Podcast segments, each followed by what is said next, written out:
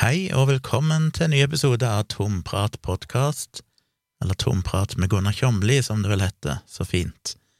Episode 177 på denne dag, torsdag 11. mars, spiller jeg inn dette på kvelden. Så jeg kommer jo med ny podkastepisode hver tirsdag og fredag, for de som ikke har fått med seg det, og samme dagene, tirsdag kveld og fredag kveld, så kjører jeg en livestream på min YouTube-kanal Tvilsomt med Kjomli. Veldig hyggelig om dere vil eh, delta der. Begynner som regel i ti-elleve-tid på kvelden, som regel elleve på fredager, for da må jeg se uh, The Voice og litt sånne ting. Uh, tirsdager varierer det litt. Men hvis du følger med på YouTube-kanalen min, så får du en notification når jeg starter, hvis du abonnerer og skrur på alle varslinger ved å trykke på dette bjelleikonet på sida av abonner-knappen, og pass på at alle varslinger er satt på. Så får du med deg det. Det er som regel veldig gøy og informativt, og jeg lærer mye av spørsmål og håper folk lærer litt av svarene mine, så det er både alvor og fjas i de livestreamene. I dag har jeg mye jeg tenkte å snakke om, så vi får se hvor, hvor langt dette blir. Um, jeg fikk jo Jeg er lett påvirkelig, jeg tror jeg har dårlig selvtillit når det gjelder podkast, og det gjelder egentlig alt jeg har gjort selv om jeg har skrevet blogg i 15 år og alt mulig sånn, så er jeg alltid like usikker på om det egentlig er noe bra, og jeg er redd at folk ikke syns det er noe interessant, det jeg har å si. Og denne podkasten starter jo som en sånn eksklusiv daglig Patrion-podkast, med både korte og lange episoder, så de 155 eller sånn første episodene var jo opprinnelig bare for patrons, men de dukka opp her offentlig for alle etter hvert når jeg eh, valgte å gjøre podkasten offentlig. Så de er tilgjengelige. Men der snakka jeg jo mye bare egentlig Jeg var litt sånn selvfølgelig faglig innhold òg, når jeg hadde noe å si, men oftest var det bare å sette seg ned, skru på innspillinger og prate litt om dagen. Og det var det en del som likte, men det var jo ikke mange som hørte på, for det var jo bare for mine patrons, og det var sikkert noen titalls lyttere. Og det var på en måte behagelig, eh, på sitt vis. Men så gikk jeg offentlig med podkasten, og da følte jeg meg litt sånn forplikta til å, å trø til med litt mer solid innhold. Og det gjør meg alltid usikker, fordi det er krevende. Jeg har jo to episoder i uka, og det å ha noe fornuftig å snakke om som en gjerne kan litt om, eller kan si noe skikkelig om, det krever litt grann jobb. Og samtidig så har jeg òg lyst til å ha en veldig sånn lett og ledig podkast, der jeg snakker litt om hverdagen og ting som skjer. Men det er vanskelig å finne balansen. Så fikk jeg jo en kommentar inne på, på Apple Podcasts eller iTunes, som dette før i tida. Um, det var en som skrev noe om at han likte for så vidt podkasten, jeg tror det var en han, men syntes det ble litt mye tomprat, rett og slett, av og til, før jeg kom til poenget. Kanskje det er det jeg driver med nå, gudene vet. Og da blir jeg selvfølgelig ekstremt usikker og tenker shit, jeg må skjerpe meg. Og etter det så begynte jeg å liksom fokusere enda mer på å ha skikkelig innhold. Men så fikk jeg en mail her eh, Må hente opp den. En mail her for noen dager siden der det var en som skrev at han ville takke for podkasten, som raskt var blitt en ny favoritt. Og så skrev han likte dagens episode spesielt godt der du deler litt personlige betraktninger i tillegg til den vanlige faglige tyngden du besitter. Eh, så det var vel forrige episode han kommenterte, for der sa jeg vel at jeg hadde ikke så mye å si, og endte opp med å prate mest om Ja, hva var det jeg pratet om? Litt om hva jeg syns om folk som skriver negative kommentarer og sånne ting. Men det snudde jo litt på ballen igjen. Det var litt sånn Snudde på ballen? Kan du snu på en ball? Ja, anyway, det, det gjorde jo at jeg plutselig tenkte ja ja, kanskje det ikke er så galt å ikke alltid bare ha, prøve å ha for mye faglig innhold. Så jeg er jo litt sånn opp og ned, la meg styre litt av feedbacken jeg får. Men jeg får prøve å finne en slags balanse, og så ikke ha for dårlig samvittighet hvis jeg ikke føler jeg har nok faglig innhold i en episode, for det er ikke alltid lett i alle episoder. Men det hjelper jo hvis dere sender meg mail på tompratpodkast eh, eller sender meg henvendelser via andre kanaler, men jeg foretrekker å få det på mail, for da har jeg det et sted, så jeg kan sjekke det enkelt. Så hvis dere har spørsmål til noe vil jeg skal snakke om, noe litt sånn faglig, så hjelper jo det veldig til å komme på hva jeg kan snakke om, hvis dere kommer med konkrete tips eller spørsmål. Men òg hvis dere bare stiller spørsmål om private ting, alt si, ting, hva jeg mener om ting, eller ting om meg og mitt liv, så det er selvfølgelig òg noe jeg syns er interessant å prate om. Det gjør som regel at jeg må reflektere litt over, over meg sjøl, og det liker jeg jo å gjøre. Det gjør meg jo litt Selvrefleksjon er en sunn ting. Å være litt kritisk til seg sjøl. Jeg fikk òg en mail eh, i dag, faktisk, ifra ei Jeg sier ikke noe navn her til noen av disse, for det, det er vel ikke eksplisitt sagt at de vil være anonyme, men det er jo ikke noe de nødvendigvis forventer skal bli lest opp i podkasten, så jeg skal ikke si noe om det, men jeg, fikk en uh, mail fra ei som bare takka for at jeg hadde snakka litt om uh, Superkroppen, denne serien for barn og unge som går på NRK, som har fått en del reaksjoner. Og hun skriver at uh, hun takker for at jeg tok opp den Superkroppen-debatten på en god, rolig og saklig måte. Så skriver hun at hun faktisk var en av deltakerne i programmet, og syntes det vært veldig tøft med alt det negative i etterkant hun sier at jeg var absolutt forberedt på litt motstand, men ikke på å bli kalt overgriper, pedofil, pervers videre. Jeg var vel litt naiv og trodde at vi som samfunn var kommet lengre, men kropp er og blir vist med kun én en eneste funksjon, den seksuelle. Og det setter jeg òg pris på, jeg vet ikke hvordan hun oppdaga podkasten, om hun hør, hørte på den ellers, eller om det var noen som tipsa henne om det, men, men eh, jeg setter pris på det, jeg setter jo veldig pris på å få tilbakemeldinger. Um, det fikk meg til å tenke litt mer på hele dette superkroppen-greiene, hvor ufattelig farlig og skadelig det er at vi har et sånt samfunn som fortsatt ikke kan se en naken kropp og i nærheten av barn uten å tenke at det dermed må være noe perverst, eller det må være noe pedofilien i bildet, eller de får overgripstanker.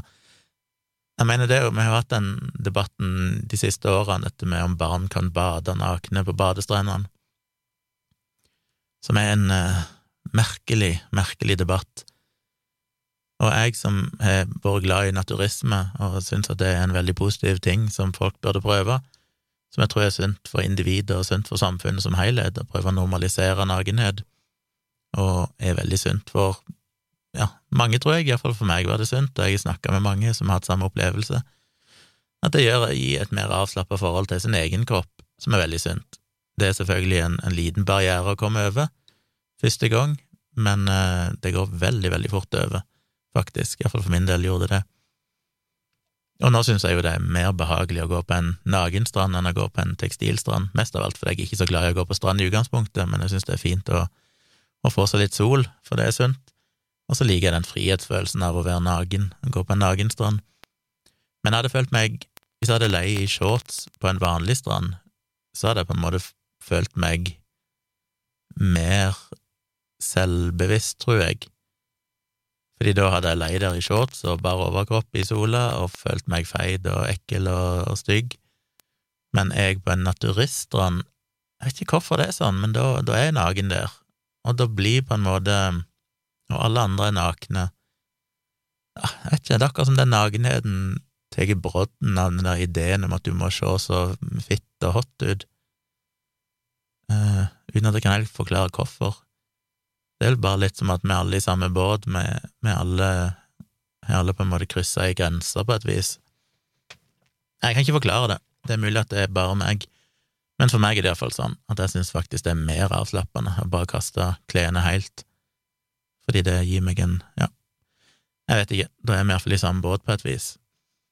Um, og jeg syns det er ikke bare blir jeg liksom sjokkert, sånn som jeg sa i den episoden, og overraska og lei meg over at folk kan reagere sånn som de gjør, sånn som de kommentarene jeg leste opp i den episoden, med folk som mente at dette var pedofili, og dette var perverst, og det var på en måte et overgrep mot barn, at det skulle stå nakne mennesker i studio som barn måtte se på, og barn må se på på TV-apparatet.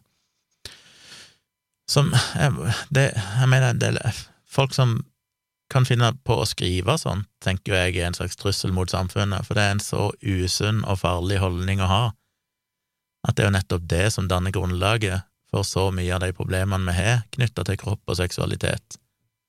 Det er nesten som at jeg ville likestille det med å skrive noe rasistisk eller kvinnefiendtlig eller eh, homofiendtlig eller et eller annet sånt på nett, det å skrive at nakenhet er lik pedofili eller perverst fordi det er så farlig, det er så ødeleggende, og det reflekterer, eller det viser, at du, på samme måte som en rasist, åpenbart ikke er et veldig reflektert menneske, og ikke har evne til å tenke i det hele tatt reflektert rundt det, altså enten at du bare går til magefølelsen din, du tenker ikke lenger enn nesetippen, det er liksom bare det du føler, uten åpenbart noensinne å ha reflektert veldig rundt det, eller tenkt over hvordan det påvirker andre, føler at du må ytre din følelse som en slags moralsk sannhet for alle.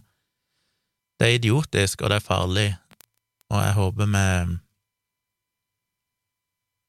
Ja, jeg vil likestille det med rasisme på et vis.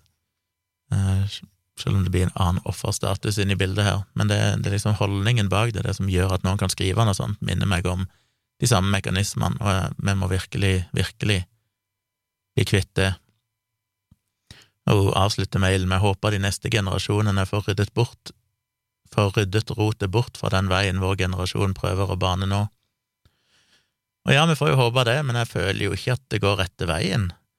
Jeg mener, det var jo mye mer avslappa på, ja, iallfall på 70-tallet, og for så vidt på 80-tallet, og på 90-tallet begynte det vel å snu litt, tror jeg, uten at jeg helt kan sette noe sånn tidspunkt på det. Men jeg husker iallfall da jeg var liten, så Eller, jeg husker det vel faktisk ikke, men andre fortalte til meg vi hadde en liten badeplass nær forbi huset som heter Kulpen. Vi bodde der jeg vokste opp i et hus, var rett ved elva, bare liksom 50 meter bare nede i skråning, så var det ved elva. Og 100 meter bortenfor der så var det liksom det vi kalte for Kulpen, som var en sånn lite, rolig område der, sånn lite, hva heter det, en liten uh, vik, holdt jeg på å si, selv om det er snakk om fem meter inn i, i elva, der vannet var litt rolig, det var litt dypere, og de hadde vel lagt noe sand og sånn der, eller det gjorde de kanskje seinere. Men det var litt sånn sandbånd, så det gikk an å, å på en måte ha det som en badeplass. Og der lå jo mine nabomødre og solte seg toppløse mens vi unger var og bada. Og det hadde aldri skjedd nå. Ikke tale om Det hadde, vært, det hadde blitt ramaskrik om noen i nabolaget, det er jo et slags lite byggefelt som bruker den badeplassen, om noen der hadde kommet og bare lagt seg ned og solt seg toppløse, det er jeg ganske sikker på. Det, til og med jeg hadde jo fått sjokk bare fordi det virker så uvant nå til dags. Men i den tid så gjorde de det, de lå der og solte seg toppløse, det var en no biggie. Og vi bada jo nakne, og det var liksom ingenting, ingen som tenkte over det. Men, eh, og det var jo da ja, slutten av 70-tallet, tidlig 80-tallet. Så jeg tror nok ting går i feil retning, definitivt, og jeg ser ikke noen tegn vel på at det skal bli bedre. Ut ifra de debattene som har vært i det siste, så er det vel tvert imot. Det virker jo som folk blir mer og mer hysteriske rundt kropp og seksualitet, og det er jo det jeg snakker om i en del sammenhenger tidligere, at, at det er kjempebra det fokuset vi har hatt, med alt ifra fokus på overgrep mot barn, men også videre til metoo og alt dette her. Men den negative konsekvensen av det er jo at vi òg får et veldig hysterisk forhold til både sex og nakenhet. Og det er liksom det som er så vanskelig, å finne den balansen mellom å både kunne adressere reelle problemer og ta et oppgjør med folk sine holdninger og oppførsel, og samtidig klare å skille ut at men det betyr ikke at sex er farlig, det betyr ikke at det er farlig for unge heller å utforske sex, det betyr ikke det er farlig for for folk å være nakne, eller for noen å se sex, eller for noen å se nakenhet. Disse tingene i seg sjøl er jo ikke farlige.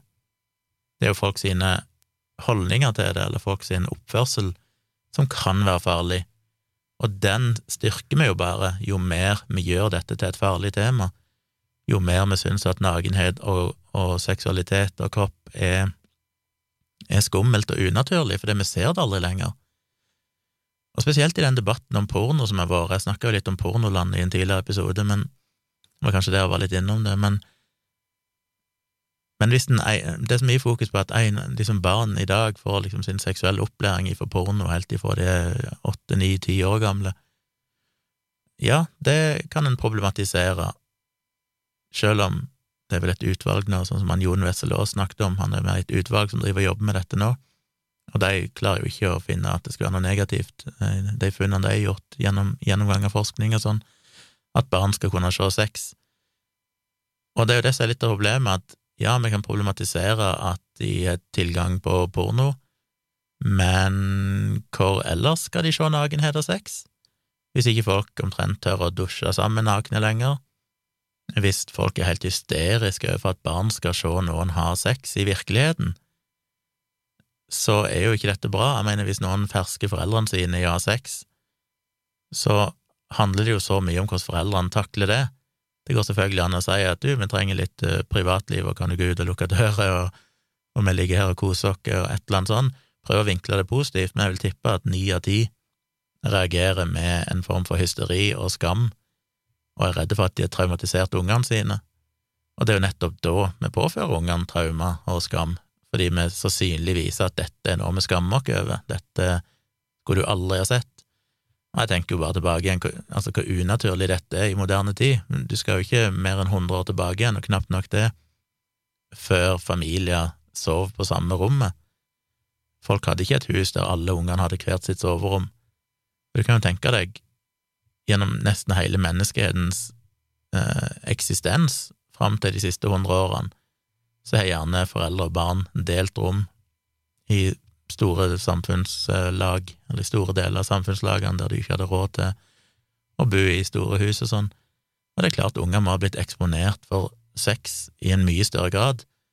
Jeg tror nok òg at det nok var mer overgrep og sånn, eh, eller det vet vi jo ikke, men jeg tror nok det var litt andre tider med tanke på det. Vi er jo si, på en positiv side og mer bevisst dette her med at det er seksuell lavalder, og det er grenser for, for hva som er greit. Men det er jo en enorm forskjell på det å aktivt forgripe seg på noen, altså være fysisk med noen, og det at noen ser at det foregår sex mellom to samtykkende voksne parter. Og det tror jeg nok var mye mer vanlig tidligere, og jeg tviler vel på at noen ble traumatisert av det, tvert imot så hadde de vel et ganske mye mer avslappa forhold til nettopp det. Eh, igjen, det er mange ting som påvirker, og det varierer jo selvfølgelig fra samfunnsklasse til samfunnsklasse, og hvordan holdninger han hadde, og alt mulig sånn, men, men generelt sett må man huske på at det er et relativt nytt fenomen, dette med at barn aldri blir eksponert for sex i virkeligheten, og det gjør en jo virkelig ikke i de fleste familier. Det er jo ikke noe en ser, det eksisterer jo ikke, sex eksisterer jo bare ikke, bortsett fra gjennom porno. Så hvis vi vil vekk ifra at porno skal være den eneste måten unge får tilgang til sex, eh, seksualopplysning, så må vi i det minste styrke seksualopplysninga i barnehager og skoler, grunnskole, pluss gjør nettopp det som NRK Super gjør, som er å vise nakne kropper til barn på TV. Så det er sjokkerende at de samme folkene som kan være bekymra over at barn har tilgang på porno, da sannsynligvis òg mener at det er pornografisk, at de ser voksne på NRK Super som er nakne. Når det er liksom sånn, ja vel, hvor ellers skal de få det? Og det er jo en sånn grunnleggende fornektelse av at barn er seksuelle vesener ifra de er små. Det er jo ikke sånn at uh, nysgjerrighet på kropp og seksualitet og seksuelle følelser dukker opp når du er 16 år gammel, uh, eller eldre. For min egen del så var jeg supernysgjerrig på alt dette helt ifra jeg var veldig liten. Gudene vet hvorfor, men det var bare sånn jeg var skrudd sammen. Jeg eh, tenkte jo på sex og nakenhet lenge før jeg skjønte hva det var. Jeg kan huske første gang jeg så en pornofilm eh, på god gammel VHS-video, og jeg visste ikke hva jeg skulle gjøre med det, jeg bare kjente at jeg ble opphissa, jeg kunne ikke sette ord på det. Jeg ble veldig, veldig opphissa, jeg var altså ikke åtte-ni år gammel, reagerte helt åpenbart på dette, som er litt sånn fascinerende, for du er et barn, du vet jo ikke hva det er, du har ikke gått rundt og tenkt at du har lyst til å ha sex, men når du ser voksne mennesker ha sex på en video, så kjenner du allikevel en, en sånn følelse. Men jeg ante ikke om onani, ingen hadde snakka til meg om onani noensinne, jeg ante ikke hva det var, jeg visste ikke at det gikk an å onanere, så jeg husker bare at jeg blei erigert og hadde en sånn frustrerende følelse inni meg, for jeg kunne ikke gjøre noe med det. Og det var mange år før jeg, eller var noen år før jeg i det hele tatt begynte å onanere sjøl. Så den lysten er der jo, og den nysgjerrigheten er der jo. Så jeg har ikke noe fasitsvar på hva en gjør med det. Eh, jeg skulle bare ønske at det på en måte seksualitet var mer naturlig, at noen hadde snakka om det. Jeg mener det eksisterte jo ikke noe seksualundervisning, iallfall for oss, i den tida, før vi kom opp i ja, du lærte vel så vidt om reproduksjon og det å ta på en kondom eller sånn når du kom opp i ungdomsskolen, eh, åttende-niende klasse eller noe sånt. Men uh, igjen, det var ikke noe mer fokus på det enn det. Og det var vel én time eller sånn, tror jeg, altså. så var det ikke noe mer. Uh, så ja, jeg vet ikke, jeg skulle bare ønske at det var mer åpenhet rundt det, for dette er noe som er naturlig for alle, i alle aldre, og uh, jo mer en kan gjøre det naturlig og ufarlig, jo mer ser en jo at det nettopp beskytter, da, spesielt barn mot overgrep, hvis det er det som skal være fokuset. Men òg bare generelt for samfunnet så er det helt åpenbart at voksne personer har et veldig anstrengt forhold til seksualitet, og andelen voksne som har problemer med sex og problemer med onani, er ganske høy. Eh, sannsynligvis mer hos kvinner enn menn, dessverre.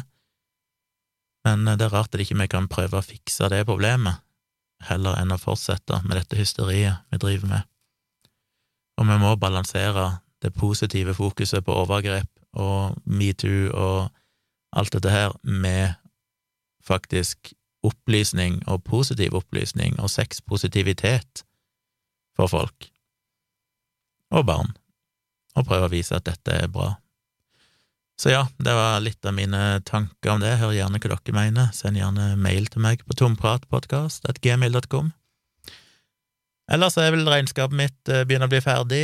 Jeg er jo like nervøs for det hver gang. 10. mars var fristen for moms for oss som leverer momsoppgave bare én gang i året. Hvis du er ganske liten, har liten omsetning, så kan du jo søke om å bare levere momsoppgave én gang i året. Heller en annenhver måned, er det vel du gjør det ellers. Så da er det jo å levere inn momsoppgave som eh, viser hva jeg har kjøpt med moms, og hva jeg har solgt med moms, og så balanse, balanserer det og finne ut om jeg skal betale mer moms til staten, eller om staten skal betale meg tilbake en moms.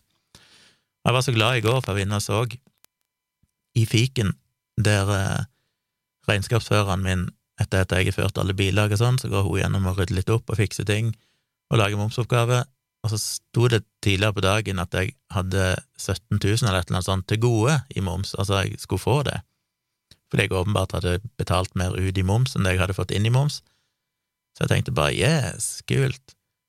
Men så plutselig seinere på kvelden så fikk jeg en uh, mail ifra uh, skatteetaten, eller hvem det er, som styrer med dette her, at jeg måtte logge inn på Altinn og bare bekrefte sånn kontonummer, og da så jeg at jeg hadde fått en mail fra regnskapsføreren min som sa at nå var hun ferdig med, med momsoppgaven min, og uh, jeg var skyldig et lite beløp, men det trengte jeg ikke betale, for det var så lite. Så måtte jeg inn og se i fiken, og så sto det plutselig at jeg var skyldig 1800 kroner, eller noe sånt som var en nedtur. Men jeg trengte visstnok ikke betale det. Det er vel tydeligvis en annen grense, at hvis det er mindre enn et visst beløp, så trenger du ikke å gjøre noe med det. Men ja, jeg har stort sett alltid fått tilbake moms de siste årene, fordi jeg ikke har investert mer, kjøpt mer lisenser, kjøpt mer utstyr enn det jeg har tjent penger. Eh, men i år så har jeg tydeligvis eh, ikke det, av en eller annen grunn, så det var litt nedtur. Men det gikk ut i null da i praksis, så det er iallfall ikke noe krise sånn sett. Så spørs det jo hva det endelige regnskapet, som vel skal leveres i hva er det, 31. mai, er fristen, er det det? Hva det viser skattemessig. Men det er godt å Jeg var litt nervøs, for hun begynte, som jeg sa tidligere, å sende meg mailer om at ting jeg hadde gjort feil og sånn, og da får jeg alltid panikk, men det virker iallfall som at hun har fått ryddet opp i det og bare fiksa det uten at jeg trengte å tenke noe mer på det. Så går jeg jo litt i minus, da, fordi jeg må betale henne for flere timers arbeid enn det som kanskje hadde vært nødvendig, men det er det verdt. Hvis jeg skulle gjort det sjøl, så hadde jeg ikke skjønt noen ting. Og så er jo denne dagen vært litt spesiell, fordi i natt så lagde Kyla, den lille Yorkshire terrieren som vi har buende her i huset, som er etter mitt syn omtrent en perfekte hund, både utseendemessig og oppførselmessig, så er hun bare så fantastisk. Hun er liksom akkurat sånn hun er like, hun er liten, hun er kosete, du kan, Vi har jo lært det opp ifra tidlig og liksom være vant til å bli tatt overalt, tatt på overalt, så hun sånn du kan bare gnure ansiktet inn i magen hennes, eller gjøre hva du vil, så bare ligger hun der og koser. Og det elsker jeg. Hun er mer komfortabel med Tone, hun er liksom blitt Tone sin hund, tydeligvis, for det er hos Tone, altså hun er veldig kosete med meg òg, men det er kun hos Tone hun kan legge seg ned og sove i fanget hennes. Hos meg så kommer hun og kan ligge litt eh, et par minutter, men så blir hun alltid rastløs og må gå igjen. Så det har jeg liksom ikke fått til en eller annen grunn. Hun vil liksom ikke, hun er ikke den, det er liksom, det er Tone som er mamma, det er ikke noen tvil om det.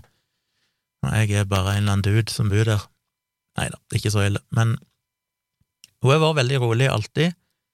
Eh, vi liksom lærte opp til å sove i et bur i gangen om natta, Og det har alltid funka veldig bra. Når, når vi legger oss, så tar vi inn i buret, og da bare legger hun seg til å sove, og så er hun rolig der til neste morgen, og så begynner hun å pipe litt hvis det går for lang tid på morgenen uten at vi står opp, for da vil hun ut og tisse. Og det funker veldig, veldig bra. Men en gang her for seks uker siden, eller sånt, tror jeg det må ha vært, cirka, og igjen i natt, så har hun plutselig skapt et helvete. Og i natt var hun sånn Jeg så jo signalene allerede når jeg skulle legge henne jeg hadde fått litt lite søvn de siste nettene, for jeg jobba seint på natta, og eh, tenkte at i går kveld skulle jeg legge meg tidlig, så vi la oss rundt midnatt. Og Tone skulle opp på jobb, så hun legger seg tidlig de nettene hun skal på jobb dagen etterpå, og tidlig, det vil si rundt midnatt. Eh, så jeg skulle legge meg sammen med henne, og jeg skulle ta hunden ut en liten tur, og bare en liten siste tissetur, før jeg skulle legge henne. Og da var hun helt propell, og det hadde jo begynt å snø og sånn her. Jeg vet ikke om det er snøen som hun jo blir oppjaga av, men hun syns det er gøy med snø, tror jeg. Og når jeg da kom inn igjen og tok av båndet, så var hun bare helt hypa. Hun bare sprang rundt og rundt i sirkel i stua, som om eh, djevelen jaga henne. Det var helt fascinerende. Og når jeg skulle ta henne med meg for å legge henne i bur til slutt, så var det klin umulig å få tak på henne, og det er helt unormalt. Hun pleier alltid bare å stå stille når hun vet at jeg skal legge henne, så jeg kan ta henne opp og legge henne i sengen eller i buret. Men da var det bare sånn jeg måtte gå, og så bare sprang hun rundt og rundt og stakk av, og det var liksom, til slutt klarte jeg å ta henne i fart og liksom få tak i henne. Så da skjønte jeg jo dette her kan jo bli interessant. Så jeg la henne i buret, og så gikk vi og la og så bare lå hun og pipte.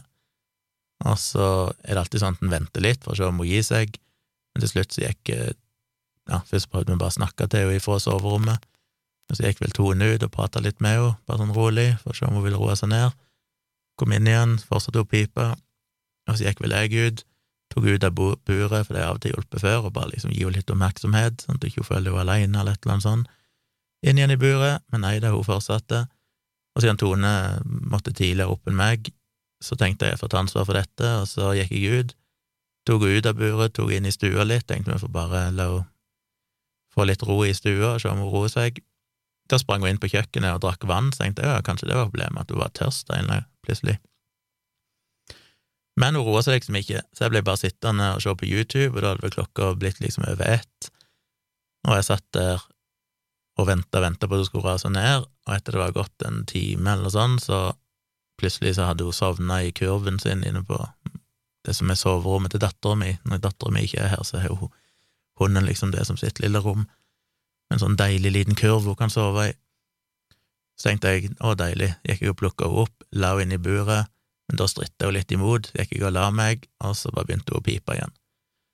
tenkte jeg å, Jesus, så måtte jeg ut igjen, tok med meg inn i stua, og hun herja litt rundt der inne, jeg satt og så på YouTube, og så til slutt så sovna hun på sofaen, hun lagde seg et lite rede i en hettegenser som Tone hadde lagt i sofaen, og sovna der, så lot jeg henne liksom sove litt, tenkte nå må jeg få henne til å virkelig bare chille og bli trøtt.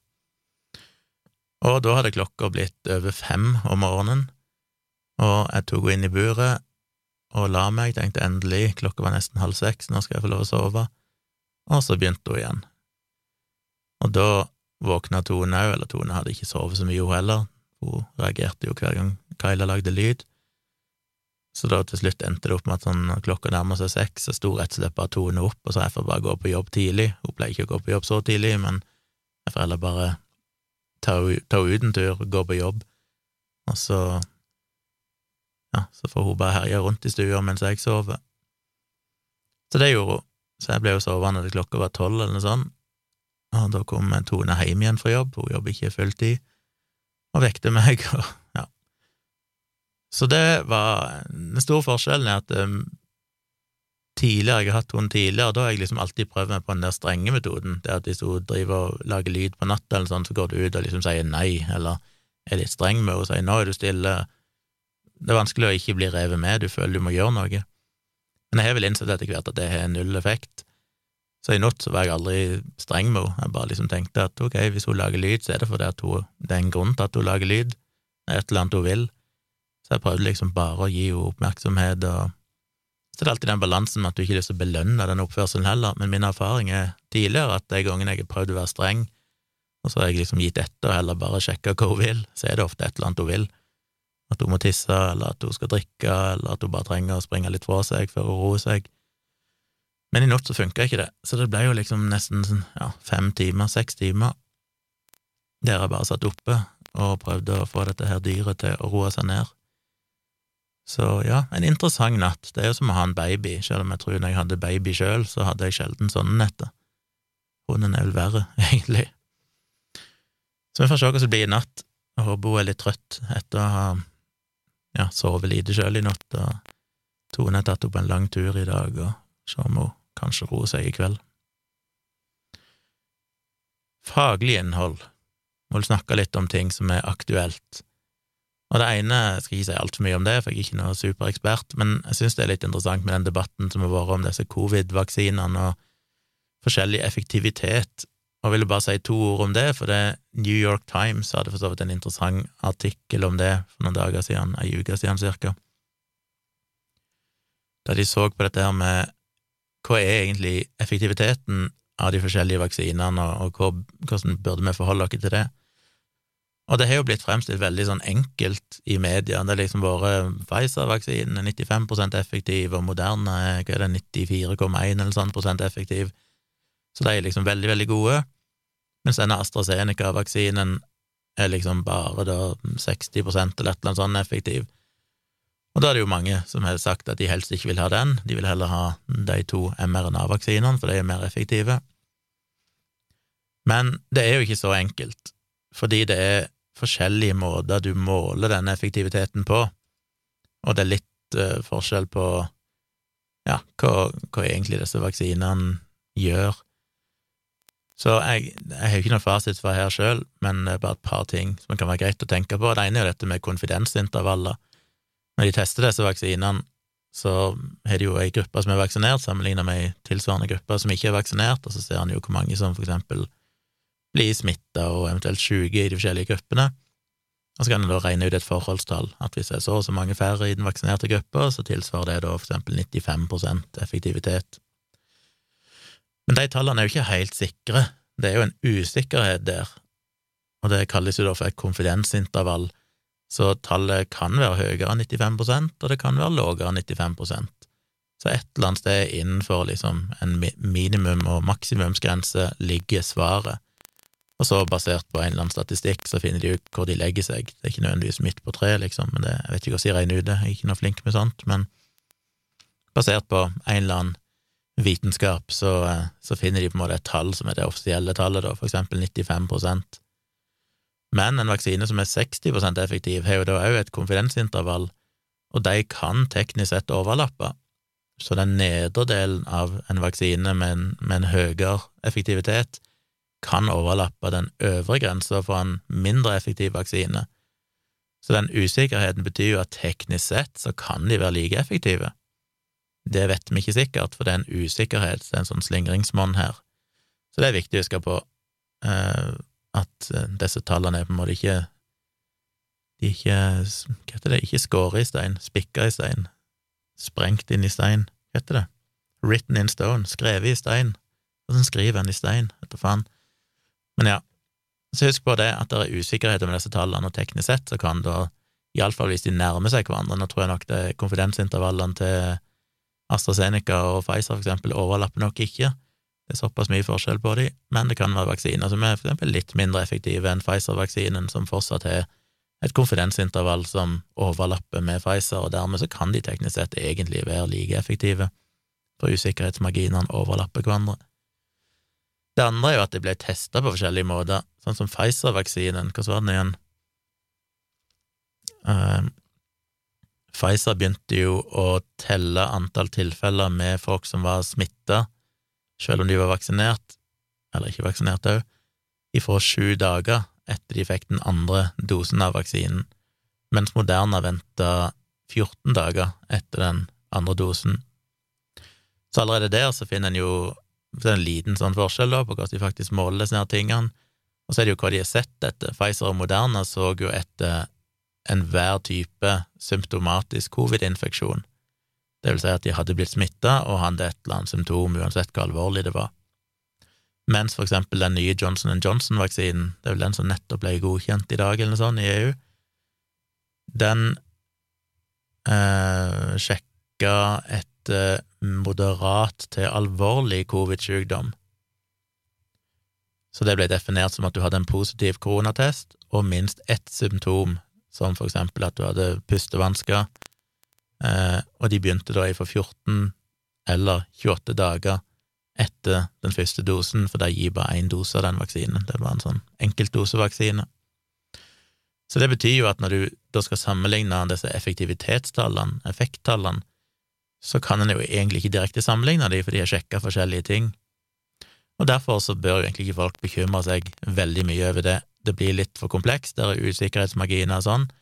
Det viktige er at for å få godkjent disse, for å få sånn hastegodkjent disse vaksinene, som en gjør under pandemien, så er det primært ett krav, og det er at de skal være mer enn 50% effektive, og selvfølgelig trygge og alt dette her i tillegg, men, men så lenge de er over 50 så blir de ansett som gode nok til at de er nyttige. Og det er jo alle disse vaksinene, per definisjon, siden de er blitt godkjent. Og det er egentlig det viktige. Så om du får AstraZeneca eller Pfizer, så er det ikke gitt at hvis du får Pfizer, så er du nødvendigvis vesentlig bedre beskytta, for det er, vært, det er forskjellige måter å sammenligne disse, disse måtene å regne ut effekt på. Så det kan være viktig å huske på. Og så har det jo vært litt oppmerksomhet i dag, eller mye oppmerksomhet, over at denne AstraZeneca-vaksinen noen nå frykter at den kan ha en bivirkning som er blodpropp. Og det er jo en sånn frustrerende debatt å se hvordan folk blir engasjert, folk som er avlyst. De skulle egentlig fått vaksinen, men så de avlyste etter å ha sett dette, og den har vel òg nå blitt stoppa i Norge inntil videre. Og det er jo lett å skjønne at folk blir bekymra, men igjen, dette er ikke veldig vanskelig. Dette, jeg mener, åh, mennesker er så dårlige til å vurdere risiko. Jeg har jo skrevet en hel bok om det som basically handler bare om det, eh, håndbok i krisemaksimering, som boka heter, som kom ut for noen år siden. Les gjerne den hvis dere er nysgjerrig på dette, der viser jeg jo mange eksempler fra media. Og det var fristende å tatt med dette hvis jeg hadde skrevet det i nyere tid. Men realiteten er at i EU så er det vaksinert rundt fem millioner nå med AstraZeneca-vaksinen, og det er rapportert 30 tilfeller av blodpropp etter vaksinasjon. Og det høres jo eh, kanskje skummelt ut, men selv om en ser vekk ifra alle andre forbehold, selv om en bare konkluderer med at ja, det har blitt 30 tilfeller av blodpropp hos de fem millioner vaksinerte, så må en allikevel gå tilbake til det jeg alltid skriver og snakker om, som heter det jeg sjøl kaller for det falske nullpunkt. For da er det ikke sånn at hvis ikke du tar AstraZeneca-vaksinen, så er du dermed tryggere enn hvis du tar den. Fordi vi tar jo vaksinen av en grunn, og det er å beskytte dere mot covid-19-sykdom. Og hvis ikke du tar vaksinen, ja, så er du utsatt for covid-19 i mye, mye større grad. Så hva er da risikoen for covid-19? Jo, det har vi jo etter hvert tall på. Eh, de varierer jo litt fra sted til sted og sånn. I Norge så estimerer en vel hva er det 0,13 dødelighet. Men la ikke si 0,1 for å ha et rundt og fint tall, altså én av 1000 som får bli smitta av koronaviruset, ender opp med å dø. Eh, og hvis en da tar fem millioner som da for eksempel ikke hadde fått den AstraZeneca-vaksinen og ingen andre vaksiner, så ville jo det i seg sjøl ført til 5000 dødsfall ifra covid-19, i motsetning til nå 30 tilfeller av blodpropp, der langt ifra alle tilfellene, jeg vet ikke hvor mange av de som er ført til dødsfall, minst ett tilfelle, men jeg vil anta de fleste tilfellene ikke er ført til noe dødsfall, selv om blodpropp selvfølgelig ikke er bra uansett. Men igjen, 30 tilfeller kontra 5000 som statistisk sett ville ha dødd, sannsynligvis er tallet mye høyere enn 5000, eh, fordi det primært er gamle folk som er blitt eh, vaksinert, og dødeligheten hos gamle kan jo være opp mot kanskje ti ganger høyere, så kanskje en burde snakke om 50 000 døde. Så kan en si at AstraZeneca-vaksinen da kanskje bare beskytter 60% så kanskje en kan litt mindre enn halvere det tallet igjen. La ikke si 30 000 døde. Så ja, uansett, det er sannsynligvis 100 eh, ganger flere som hadde dødd, nei, tusen ganger flere som hadde dødd hvis ikke de fikk den vaksinen, enn de som får det av eventuell blodpropp, hvis alle blodpropptilfellene hadde ført til dødsfall. Så sånn sett så kan en sånn veldig enkelt si at det er rundt tusen ganger farligere å ikke få vaksinen enn å få vaksinen. Og det er jo noe å tenke på. Så det viser jo òg hvor ufattelig bra dette systemet fungerer, med tanke på at det er dette jeg snakker om mye tidligere, dette vi kaller for sånn post marketing surveillance, eller det blir jo av og til kalt for fase fire-studier. Fase tre-studiet det, det er jo på en måte den endelige studien som sjekker om en vaksine for eksempel er god nok og trygg nok til at den kan bli godkjent. Men etter den har fått godkjenning og blir tatt i bruk i befolkningen, så gjennomfører en gjerne det en kaller for en fase fire-studie, eller post marketing surveillance study, der en ser på hva som skjer i den virkelige verden når mange millioner blir vaksinert. Og da følger en jo med på disse signalene. Er det noe her? Dukker det opp plutselig flere tilfeller av en eller annen bivirkning eller sykdom eller skade som vi ikke hadde sett tidligere? Og hvis så, så må vi da vurdere om det kan skyldes vaksinen, og om vi da bare stopper vaksinen. Og her ser vi da at det var rapportert 30 tilfeller. Det en har funnet så langt, de driver fortsatt undersøkelse, så endelig data er det ikke, men så langt er vel dataen kommet ut på at det ser ikke ut til å være flere tilfeller av blodpropp hos de vaksinerte sammenlignet med uvaksinerte. Så det som skjer, er jo at når noen får blodpropp, for eksempel etter mottatt vaksine, så blir det rapportert inn, og så kommer det inn litt rapporter, og så begynner en å se, hei, kanskje vi må bare sjekke om det er noe her. Og mest sannsynlig, jeg ville nok ha vedda 10 000 kroner på det, så viser det seg nok at uh, dette har ingenting med vaksinen å gjøre. Uh, det er ut fra de tidlige dataene, og det vil jeg vel anta de konkluderer med, at det er like mange som får blodpropp hos de som ikke har fått vaksiner i den samme befolkningsstørrelsen og sammenlignbar befolkning. Og dette skrev jeg jo en bloggpost om når, disse, når det først ble rapportert om 23 eldre som hadde dødd etter vaksiner i Norge på sykehjem. Statistisk sett så vil jo mange dø etter de har fått en vaksine på sykehjem, fordi det dør 400 gamle hver uke på norske sykehjem. Så det vil være sjokkerende om det da ikke skulle være rapportert dødsfall etter vaksinen. Da ville det jo vært en mirakelvaksine i så fall. Og samme her, med folk får blodpropp hele tida. Når du vaksinerer millioner av mennesker, ja, selvfølgelig kommer noen av de millioner menneskene til å få blodpropp. Det betyr ikke at det er noe med vaksinen å gjøre. Men det viser jo at systemet fungerer, at så fort det er den minste risiko, minste mistenksomhet for at her kan det være et eller annet, så stopper de det. Og det er flere land som har stoppa det, og de begynner å undersøke. Og jeg synes det er litt interessant, eh, sett i lys av hvordan vaksinemotstandere ser på dette, sånn typisk har Jakkesson-uttalelser, der de fremstiller legemiddelindustrien som forferdelige, og staten som forferdelig, og det er et samrøre mellom de, og alt handler om å pushe ut vaksiner fortest mulig på befolkningen, og de skal overselge effekten av vaksiner, og det er ikke måte på hvor fælt alt er. Jo da, det er mye å kritisere legemiddelindustrien for, definitivt, men dette er ikke en av tingene. Fordi hvis vi ser på hva som virkelig har skjedd, så ser en for det første at til og med under fase tre-studiene, så fort det ble rapportert om noe alvorlig, så stoppa de studiene for å undersøke om det var en sammenheng med vaksinen. Eh, og det viser seg, det seg jo aldri å være.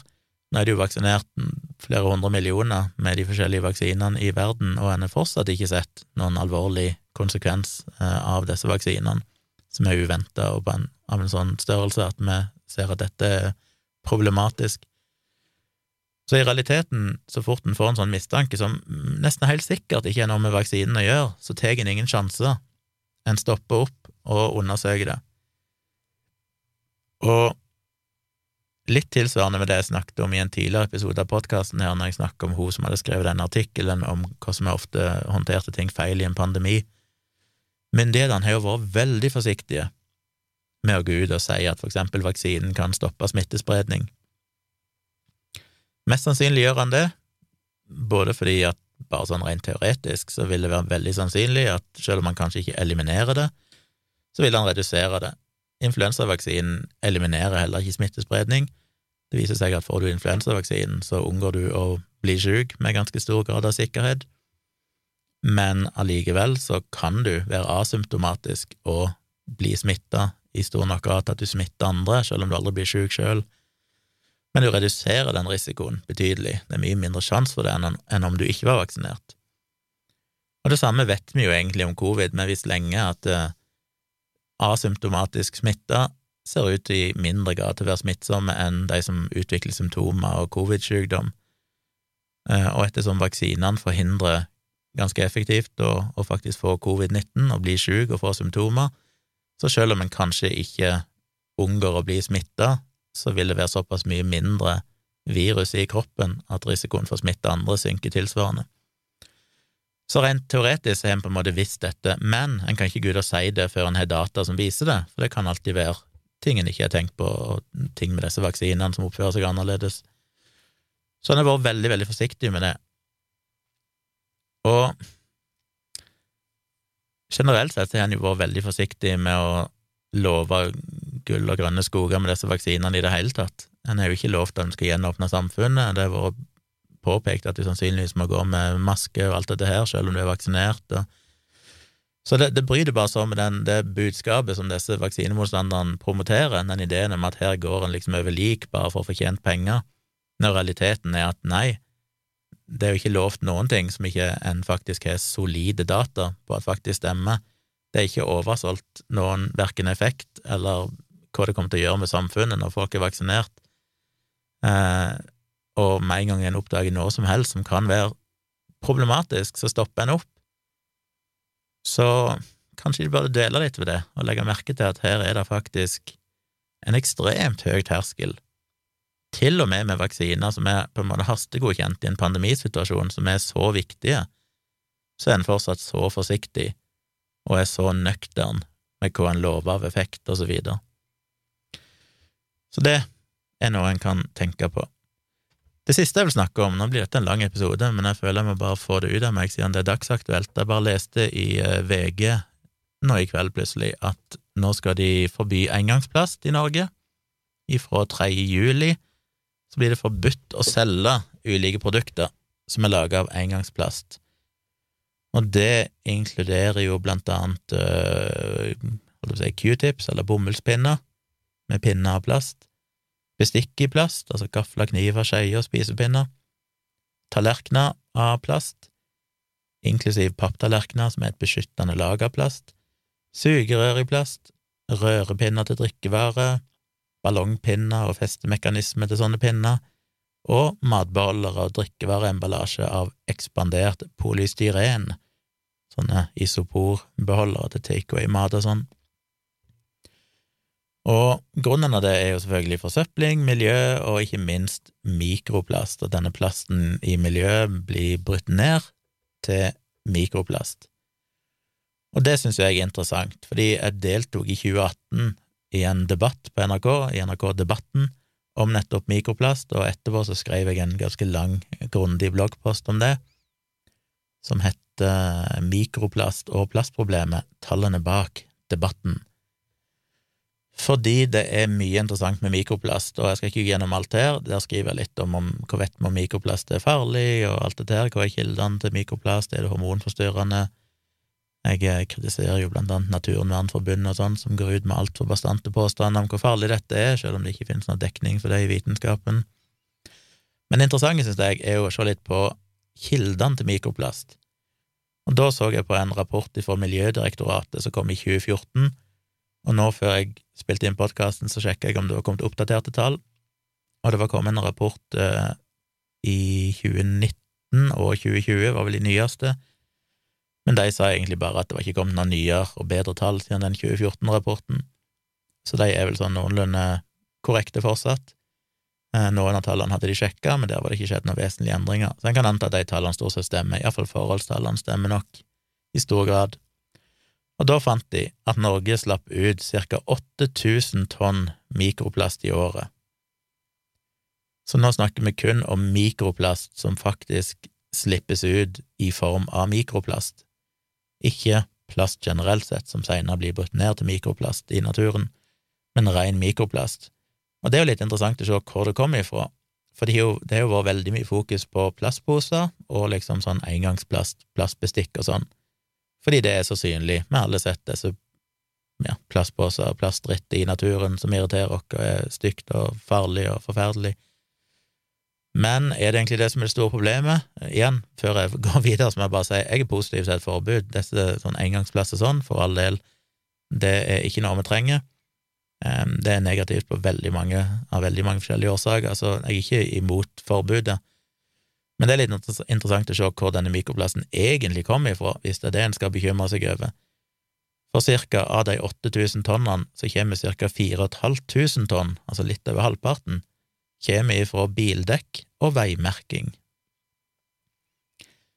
Den nest største kilden, som er ca. 1000 tonn mikroplast i året, kommer ifra plastmaling på bygninger og båter.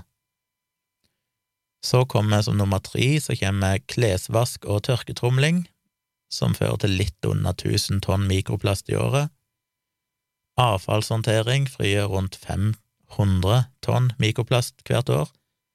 Altså avfallshåndtering, det at vi faktisk kildesorterer plasten og henter inn søppel og alt det der, frigjør i seg sjøl 500 tonn mikroplast.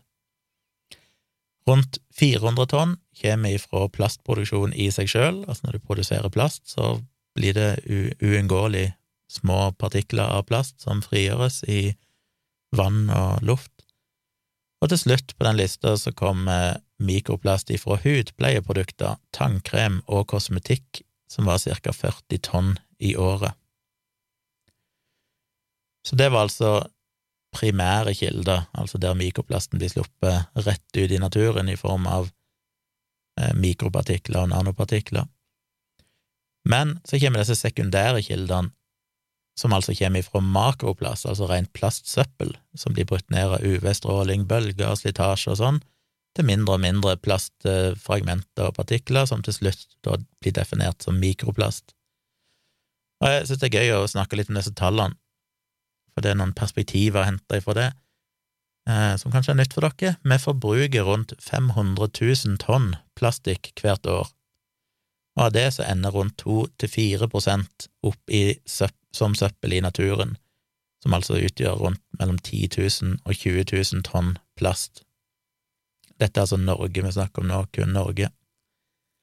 Og hvis vi ser på havet utenfor Norge, så havner rundt 60% av dette plastsøppelet havner på land, og rundt 40% havner direkte i havet ifra skip, fiskenæring og fritidsaktiviteter på sjøen. Rundt halvparten av det søppelet som ender opp på land, ender til slutt opp i havet.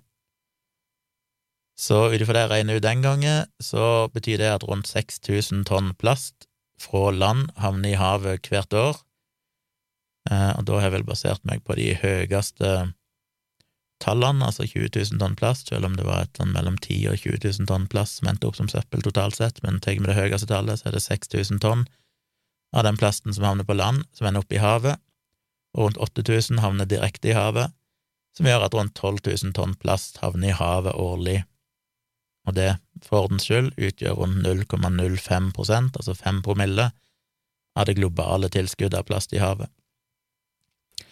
Og så regner en med at rundt 1–5% av den plasten blir brutt ned til mikroplast hvert år, så det er en slitasje på rundt 1–5 og til slutt så ender alt opp som mikroplast, men det tar litt tid, for det går sakte. Og det kommer litt an på hvor det ligger og sånn. Hvis det ligger på strendene, så skjer det fortere, for de blir utsatt for mer UV-stråling og slitasje enn hvis det havner for eksempel lenger ut i havet, sånn at det synker ned til bunnen. Da går det mye seinere og brytes ned, for det blir dekka av sedimenter, og det blir ikke truffet av UV-stråling på samme måte. Eh, Plass som flyter, derimot, er mer ille. Så jeg skrev litt om de globale estimatene, og det, det, det varierer altså litt fra land til land hvor plastsøppel i havet og sånn kommer ifra. Men generelt sett så er det vel beregna, og disse tallene er veldig, veldig usikre. Eh, stor sprik i forskjellige estimater i forskjellige kilder en bruker.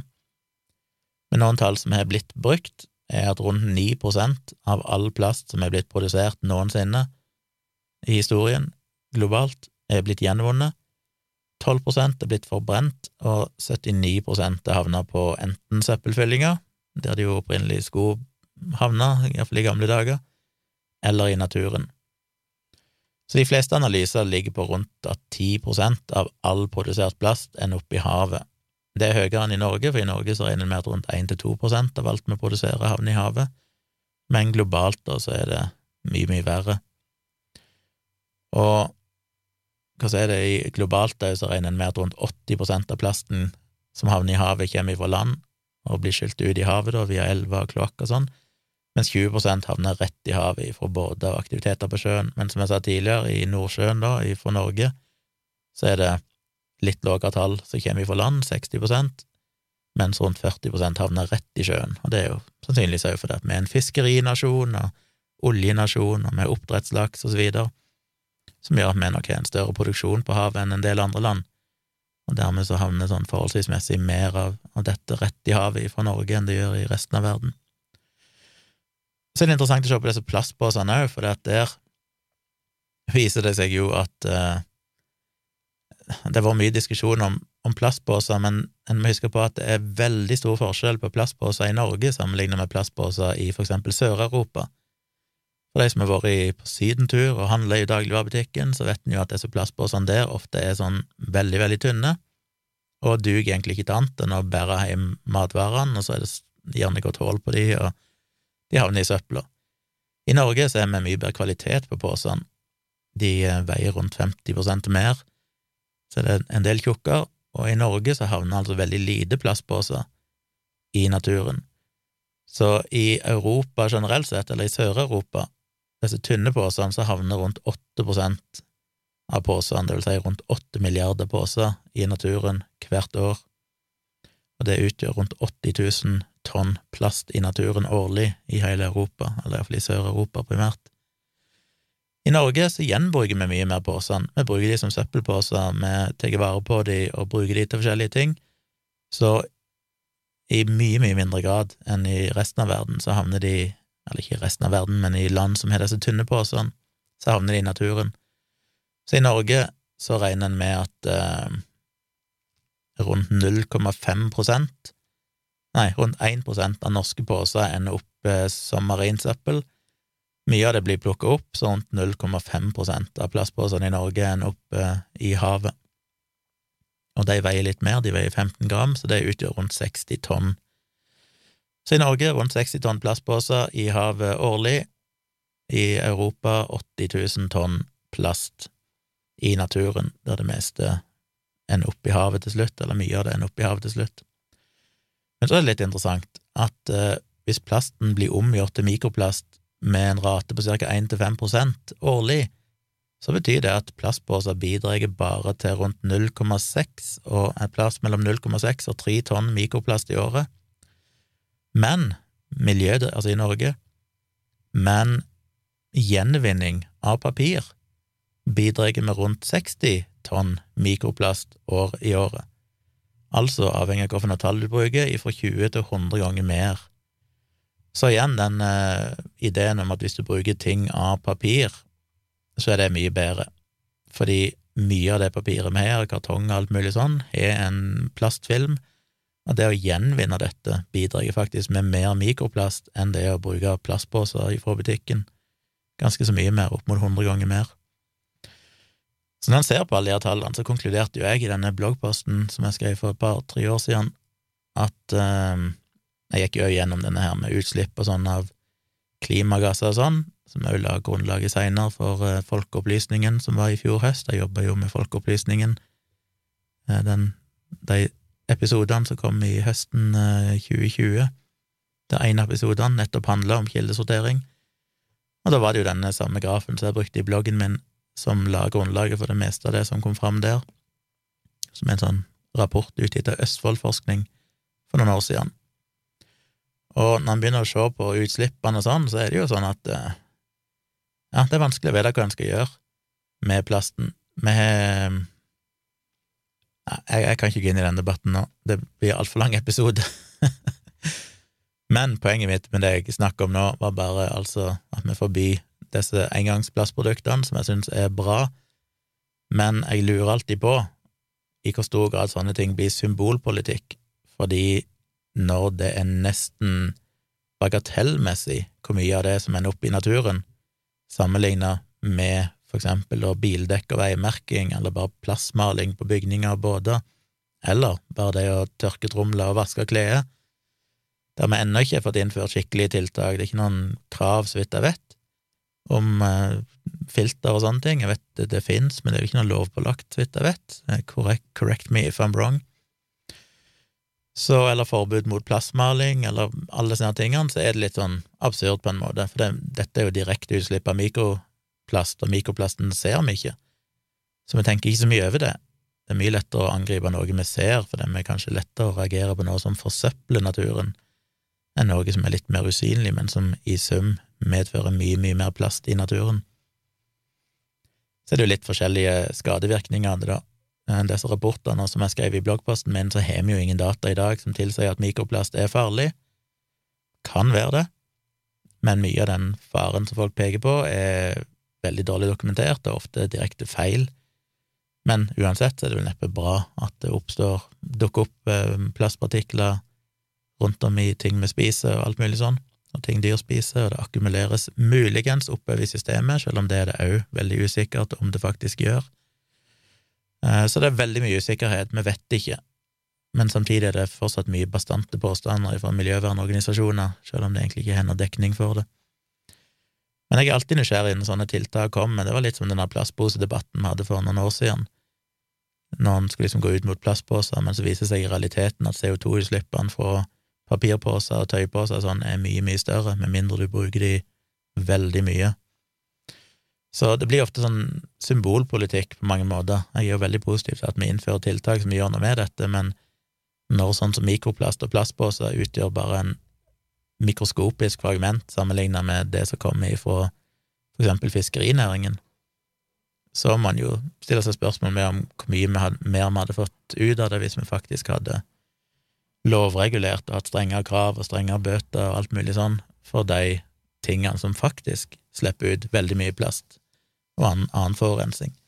Og det går jo igjen i mye av miljøpolitikken vi har hatt i Norge, at eh, vi har angrepet veldig mye av de der lågthengende fruktene, det som virker, som folk reagerer på fordi de ser det sjøl, og som er lett å forstå, er liksom håndgripelig for folk flest, sånn som for eksempel kildesortering. Eh, men som vi viste i den episoden av Folkeopplysningen, så er det jo fortsatt usikkert hvor mye effekt det faktisk er. Men så er det ting som definitivt ville hatt mye effekt, men som ofte handler om næringslivet bedrifter, industri, mer enn det handler om privatpersoner, og der er det ofte vanskeligere å gjøre noe som virkelig monner. Så er ikke noen konklusjon på akkurat det, men det er vel noen tanker som er greit å ha med seg. Jeg skal lenke til bloggposten min og de artiklene jeg har brukt som kildegrunnlag i denne episoden, i shownotes, så de finner dere i notatene til podkastepisoden hvis podkastappen viser det. Uh, ja.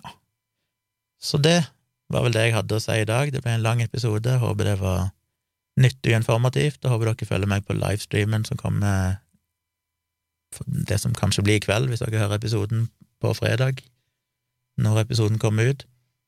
Og de blir jo liggende på YouTube òg, så du kan jo se de seinere òg, hvis du vil det, selv om ikke du ser de live. Så kommer vel meg og Tone med en ny samboerprat på søndag, men den er kun for Patron, så da må dere bli Patron på eh, tjomli, nei, ikke tjomli.com, men patron.com slash tjomli for å få med dere det, og der slipper jeg òg en bonusepisode av denne podkasten, som er kun for patrons. Hvis dere vil få med dere deg, så må dere støtte meg der inne. Og på mandag kommer en ny episode av Virkelig grusomt-podkasten, som jeg òg håper dere hører på. Og Den får flere og flere lyttere, som er gøy, stiger på listene, som jeg håper den kan eh, ja, at flere oppdager at det er ganske underholdende hvis du har mage til sånne grusomme historier. Da skal jeg si meg ferdig med denne episoden. Jo, forresten, en siste ting. Jeg må bare nevne til Dag. Jeg snakka jo litt om Dag sitt eh, rutinedagprosjekt her i forrige episode, og så fikk jeg et sånn indirekte svar ifra Dag via hans podkast. Og han eh, mente at vi burde kunne kalle dere venner. Jeg kalte han for min tidligere podkastkollega.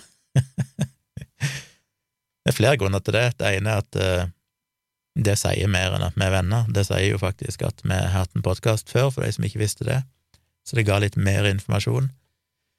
Og så har jeg alltid litt sånn ærefrykt for Dag, litt sånn starstruck av Dag fortsatt, selv om jeg har kjent han såpass lenge som jeg har. Jeg føler alltid at han er i en helt annen liga enn meg, så jeg er alltid sånn usikker på om jeg tør å kalle meg en venn. Eh, jeg føler jo at han er en venn, men jeg er alltid usikker på om han vil synes at det er å tråkke over en strek, og at jeg skal kalle meg sjøl for hans venn. men nå bekrefter han jo det, da. Atter en gang. Han har vel gjort det mange ganger tidligere òg, men det tar litt tid å synke inn for meg.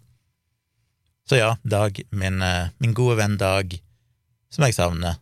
Jeg har hatt for lite kontakt med han etter vi slutta med dialogisk, så vi får se om vi får gjort noe med det etter hvert. Eh, men hyggelig at han eh, omtalte min blogg, nei, min podkast, og så må jeg bare påpeke at i hans siste episode, som kom i dag, av denne rutinedag, bonuspodkasten hans, så sa han ordet forhåndsregel, og det er feil dag. Dette er forholdsregel. Merkelig nok, selv om forhåndsregel gir mening i den betydningen det blir brukt. Så nå kritiserer han for det, og så kan han kritisere meg for alle ordene jeg sikkert har brukt feil i denne episoden og andre episoder. Eh, jeg tror jeg skal begynne å kommunisere med Dag via podkast, så neste gang må jeg ha noe å si til han, som han svarer meg via sin podkast. Det kan jo bli en sånn fin, asynkron kommunikasjon som passer meg veldig fint. Så da høres vi igjen på tirsdag, når neste episode av denne podkasten kommer ut. Vi snakkes, og takk for at du hørte på.